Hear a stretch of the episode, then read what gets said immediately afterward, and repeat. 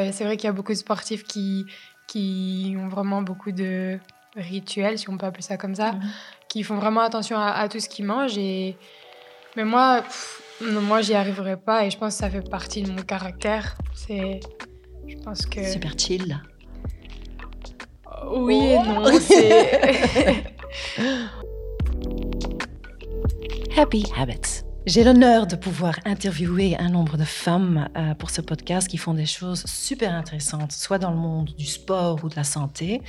Et aujourd'hui, c'est une jeune femme ravissante qui n'a que 21 ans. Euh, et si je nomme tout ce qu'elle a déjà fait et ce qu'elle est en train de faire, j'ai qu'une chose à dire. Waouh! Euh, Cameron Van den Broeke, enchantée. Je suis Enchantée. ravie de te voir en, en vrai. Comment te sens-tu aujourd'hui? Ben, super bien, juste le temps un peu, un peu mauvais. Ouais, mais, c'est un euh, peu, on peut pas arranger ça mais pour non. toi. hein. Mais ça dérange qu'il fait, qu'il fait, qu'il pleut, toi en tant que cycliste professionnel c'est un peu embêtant quand même pour, euh, pour s'entraîner. enfin, euh, Ah quand même. ouais, quand Ouais. même. Mais j'aime bien, moi, rouler sur la piste. Du coup, euh, comme ça, je peux rouler à l'intérieur et j'ai pas de problème pour ça. Ok. T'as souvent des problèmes avec des choses? Enfin, il y a des trucs qui te tracassent? Tu donnes pas Euh, cette impression? Hmm, non, je, suis, Hmm. ben, je suis quand même, je pense, comme tout le monde, tracassée pour, euh, pour certaines choses, mais, euh, mais c'est vite passé avec moi. Ouais, je suis pas, je suis pas comme ça à, à toujours y penser pendant, pendant des semaines. Pour l'instant, tu combines euh, une, une carrière de prof euh, en tant que coureur chez Lotto Soudal Ladies, où tu fais aussi ton stage. Et puis en plus, il y a encore des, des- des études supérieures de communication. Euh, à quoi ressemble une semaine moyenne? Hmm. Euh, mais les semaines, en fait, avec moi, elles sont tout le temps différentes. Je pense qu'il n'y a pas euh, une seule semaine qui, qui ressemble à une autre, mais c'est ce que j'aime. Mais tu fais beaucoup, hein Fran- Enfin, des des longues Ouais, journées. je pense que ouais, par- Ou tu as l'habitude ouais, j'ai l'habitude, mais euh, en ce moment, euh, donc, euh, je vais plus à l'école parce que je fais mon stage donc de trois mois dans l'équipe euh, Lotto Soudal, mais chez les hommes, et moi, Mhm. je roule chez les femmes. Et stage dans le département communication. Ouais. Ok, Ouais, c'est pas je fais bizarre? mes études de communication. Euh, bah non, justement, c'est chouette parce que du coup, je connais euh, beaucoup de monde et, euh, et c'est un, un milieu que j'aime bien. Donc euh, pour moi, comme ça, je découvre, je découvre un autre monde et, et je mêle en fait mes deux passions entre guillemets, et l'athlétisme aussi, mais, mais là le vélo et, et le monde des médias. Est-ce que c'est un monde que tu connais à profondeur? Ou est-ce qu'il y a encore des, des secrets que tu Non, non, découvres? Je suis encore euh, à l'école, donc, euh, donc je découvre seulement. J'ai eu l'occasion de faire mon premier stage, donc en première année, euh, dans l'équipe euh, Quickstep, de Mhm. Conic Quickstep euh, maintenant. Et, hum, et l'année passée, c'était dans un, le monde du spectacle et tout ça, donc c'était totalement autre chose. Et euh, donc, euh, non, je découvre encore tout et parfois euh, je me dis, mais. Enfin, que. Passe? ouais, parfois je fais des fautes et tout ça, mais je pense que c'est normal. Et, Ben oui, bien et sûr. je, je suis en stage pour apprendre. Donc, Ton style de vie doit être super, super healthy. Est-ce que c'est toujours le cas ou est-ce qu'il y a, il y a des moments que, que tu te dis non, ah, non. une frite, s'il te plaît? Moi, je suis plus tout ce qui est chocolat, sucrerie que les frites. Mais ça, non, je, je fais attention à ce que je mange, mais euh, Est-ce que tu es très stricte? non, pas du tout. Pas du tout. non, non, je, je m'accorde souvent euh, des petits. Donc, euh, parfois, j'aime bien faire un petit gâteau ou manger euh, des chocolats ou des bonbons ou quelque chose comme ça. Ou même quand je vais au restaurant ou quoi. Parfois, je, je m'accorde un petit plaisir parce que je trouve que c'est important. Sinon, je pense Oui, que j'y arriverai pas. ouais. Je pense que ouais, je craquerais Mhm. un peu. Donc, donc non, je trouve que c'est important. Faut pas, si on continue, enfin, si on fait tout le temps euh, vraiment euh, être strict et tout Mhm. ça, je pense qu'à partir d'un moment, après quelques mois, on abandonne. Et Ben oui, c'est sûr. donc, je pense que comme ça, avoir euh, s'accorder quelques quelques plaisirs euh, de temps en temps, je pense que ça permet de continuer plus longtemps. Mhm. Mais est-ce qu'il y a quand même des choses qui, sont, qui font partie, une partie fixe de, de ton régime? X heures de sport par semaine, X litres d'eau par jour? Non, je suis pas quelqu'un qui, qui regarde à ça, vraiment calculer tout ce que je fais. Sinon, sinon comme je dis, j'ai- j'aime pas et après, ça, je vais plus le faire pendant longtemps. En fait, si j'ai si des règles comme ça, alors j'arrive pas à les tenir. Moi, je suis quelqu'un qui. Ouais, je, je vis un peu comme ça, euh, mais donc je mange bien, je fais du sport tous les jours, mais pas dire ah, aujourd'hui je dois boire autant, autant de litres d'eau ou je dois manger ça ou non. J'essaye de, de tout faire. T'es pas une petite Bien, exception dans ce monde comme ça? J'avais, je m'attendais à oui, je suis très stricte et surtout euh, euh, lors de la saison, euh, je fais ça et puis je ne fais pas ça, mais tu es très relax. Hein? Peut-être, ouais, je sais pas. Je pense que c'est vrai qu'il y a, ouais, c'est vrai qu'il y a beaucoup de sportifs qui, qui ont vraiment beaucoup de rituels, si on peut appeler ça comme ça, Mhm. qui font vraiment attention à, à tout ce qu'ils mangent. Et... Mais moi, pff, non, moi, j'y arriverai pas et je pense que ça fait partie de mon caractère. C'est, je pense que Super chill. oui et non, c'est ouais. Mais tant mieux, hein Tant mieux. Donc j'ai vu que tu as 37 000 followers sur Instagram. Est-ce que ça te préoccupe cette portée? C'est quand même une, une responsabilité, non? Euh, non, encore Non une fois, pour moi, euh, j'utilise souvent le mot je m'en fous, entre guillemets, parce qu'on Ouais. dit ça en, en Ouais. français, mais, euh, mais non, moi, justement, je suis, allez, je suis contente. euh, après, 37 000, c'est pas, pas énorme. euh, il y a- Allez mais il y a beaucoup Allez. de personnes qui, qui ont beaucoup Moi j'en ai plus. 37 et demi. Mais,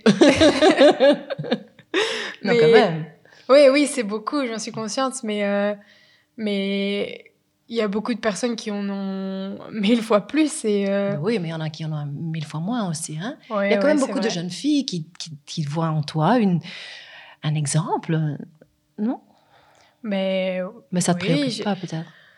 J'espère, mais euh, non, je- je- moi en fait, je, sur Instagram, je, je me considère pas comme euh, une influenceuse ou quelque chose comme ça. Je fais juste les choses que, les choses que j'aime et euh, tout ce que je fais, par exemple quand je pars en voyage ou quand je vais sur une course ou quand, quand je m'entraîne ou je partage en fait ce que je fais et juste en fait à la base pour moi-même et j'essaie pas toujours de. Non, je fais vraiment des choses Mhm. pour moi et de montrer qui je suis et, et voilà et donc je suis contente que les gens euh, Apprécie, hein apprécient oui Ouais. enfin, je pense Et te suivent aussi, hein enfin de, de manière figurative aussi. Hein tu es très inspiratrice pour... pour voilà, bon, bon. j'ai- oui j'espère. Est-ce que c'était un rêve de devenir euh, athlète professionnel?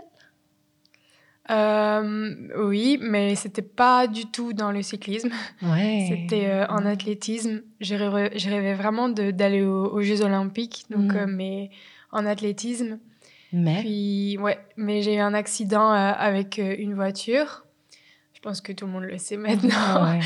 Mais euh, donc, euh, ouais, j'étais à l'entraînement et j'ai eu la malléole interne de fracturée.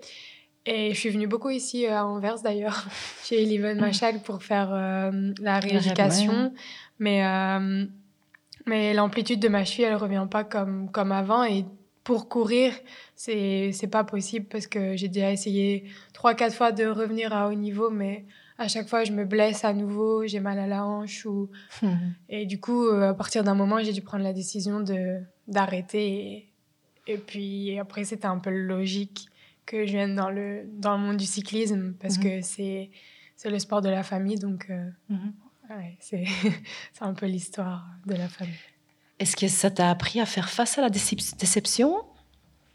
L'accident ou, ou tu as des Hmm, regrets? Face à la déception, je pense pas parce que je pense que personne sait faire face à la déception, je pense. Mais euh, des regrets, oui, c'est sûr, parce que encore maintenant, euh, l'athlétisme, ça restera toujours euh, mon sport favori. Même si, même si maintenant, je, je, je peux plus en faire en compétition, je cours encore comme ça pour me faire plaisir et, Mhm. et quand j'ai pas trop le temps ou quoi, euh, c'est toujours bien, bien de, de courir. Et c'est courir pendant une, une longue période qui ne va pas ou, ou- ou courir vite? Ouais, non, Qu'est-ce qui pose euh, un pendant, pendant une longue période, en fait, si je m'entraîne tous les jours avec des intensités sur la piste, avec les chaussures, les spikes, euh, à partir d'un moment, je vais, je vais me blesser et sera de nouveau arrêté pendant un mois, puis recommencer. Et le sport de haut niveau, euh, je peux pas me permettre d'avoir ça en sport de haut niveau, donc Mhm. euh, c'était juste pas possible. Et alors, tu as trouvé ta nouvelle passion dans le cyclisme? C'est la, même chose? C'est comparable, le cyclisme et l'athlétisme? Non, non, non, pas Non? du tout. C'est deux sports totalement différents. le, le, cyclisme demande beaucoup, beaucoup plus de temps que Mhm. l'athlétisme. Et, euh, et c'est un sport, ouais, vraiment différent. C'est pas le même type d'effort. Moi, euh, en athlétisme, j'étais forte en 800 mètres. Donc, c'est un effort de deux minutes et, et quelques secondes. Mais ici, euh, à vélo, quand on va, par exemple, juste s'entraîner une heure, c'est rien du tout. Et les courses, elles durent euh, 3 heures, 4 heures. Et Et quoi, pas tous les jours? Non, non, Mm. non, pas tous les Ok. jours. Mais, euh, mais ouais, l'entraînement euh, demande beaucoup plus de temps. Et on ne peut pas vraiment comparer ces deux sports. Je, sens, je ressens quand même un peu de regret là. hein. Oui, oui, ben, comme je dis, je- si j'avais pas eu cet accident, je pense que maintenant je serais encore euh, occupée de, de faire de l'athlétisme et, et pas du vélo. Mhm. Donc, euh, donc c'est sûr que je regrette un peu, mais je regrette et je regrette pas parce que je suis quand même contente d'être arrivée dans ce monde et j'ai découvert beaucoup de choses. Puis aussi maintenant, le- rien que faire mon stage en, en communication dans, dans l'équipe Lotto Soudal, avant, je, je pense que si je faisais de l'athlétisme, je m'intéressais pas au, au vélo et donc je j'aurais jamais fait ça. Et donc j'ai quand même découvert un, un nouveau monde et je pense que ça peut m'apporter beaucoup pour euh, l'avenir. Et il y a aussi le lien familial hein, avec, ton, avec ton papa. Euh, Qu'est-ce Ouais, que ça te fait? Ça, ça t'arrive? Oui, ça t'arrive souvent, de, je présume, de penser à ton papa, mais quand est-ce que tu penses à ton, à ton père?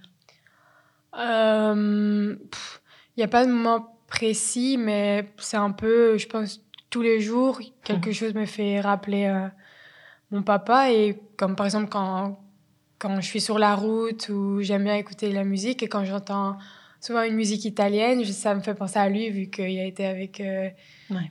une, une femme italienne et enfin tout le monde connaît l'histoire.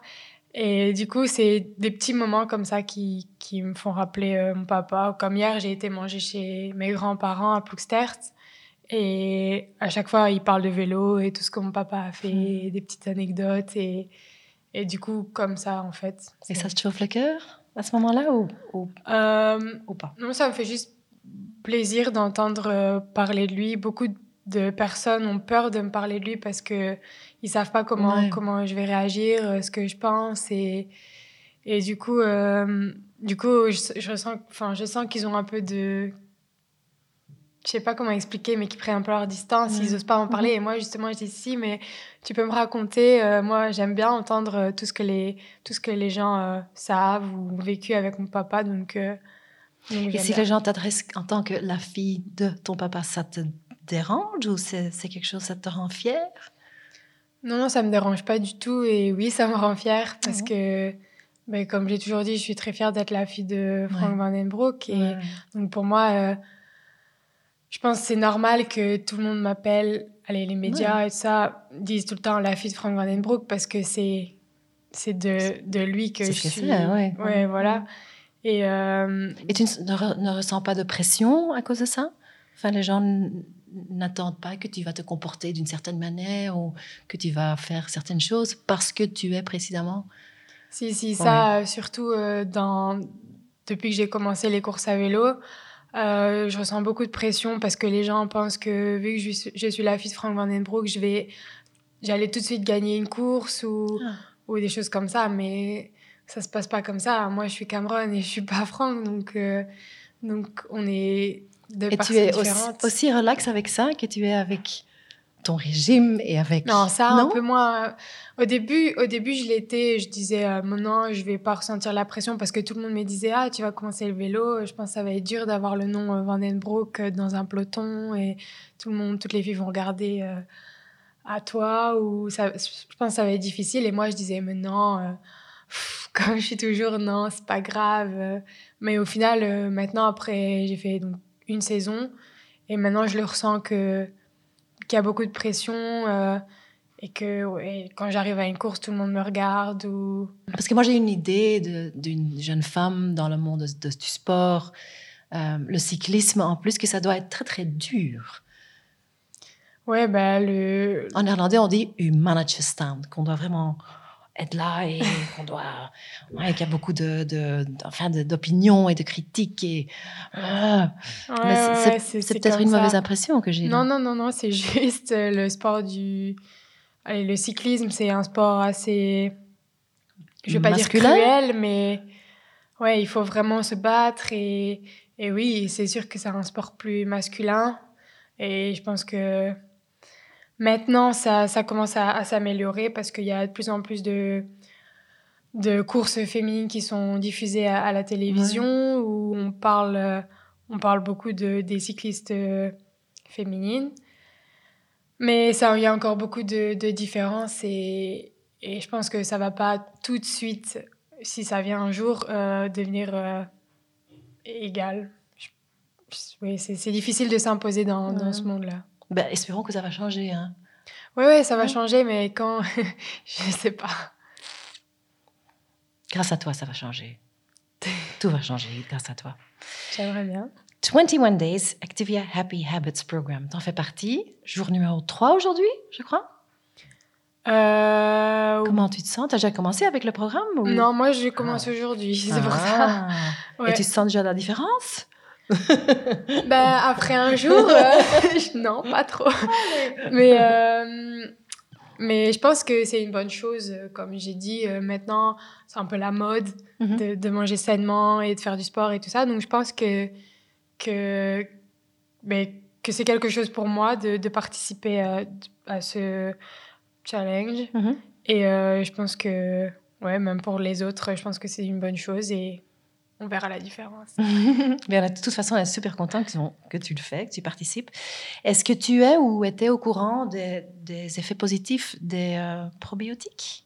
Ouais, ouais, ouais, ouais. Je, je, prenais déjà des Activia euh, auparavant. Euh, j'adore les Activia coco, donc pour ça, mmh. j'en mange beaucoup. Et c'est pour le goût ou c'est pour l'effet que, que tu ouais, Au début, c'était pour le goût. mais, mais après, j'ai j'aime, je suis plus attirée par les choses qui, qui, sont bonnes pour la santé et tout ça. Et Activia, c'est. Tout le monde sait que les yaourts Activia sont vraiment, vraiment bons pour ça. Et du coup, euh, ça, ça m'a attiré encore plus. Et donc maintenant, je consomme euh, plus seulement les cocos, mais aussi, par exemple, le matin, euh, aux céréales et tout ça. donc tu commences bien ta journée. Ouais, ouais, très bien. Euh, qu'est-ce, que on, qu'est-ce que tu vas encore faire cette année? Quels sont les projets pour 2020 euh, euh, ben Déjà, donc là, je, suis déjà dans ma troisième semaine de stage et c'est un stage de trois mois, donc c'est quand même un, grand stage. Et après, je dois être diplômée, normalement. Oui, bien sûr. c'est mon dernier diplômante. et puis, comme grand projet, euh, il n'y en a pas vraiment. Je vis euh, comme ça, au jour le jour, on verra. Je ne sais pas trop ce que je fais la semaine prochaine, donc euh, d'ici quelques mois, je ne sais pas. Mais, mais je pense que j'essaie de continuer à faire des, des, bonnes choses comme ça et à faire ce que j'aime, surtout. Surtout, fais ça. Fais ce que tu aimes. je te remercie pour la conversation et je te souhaite beaucoup de happy habits. Merci beaucoup. Merci à toi.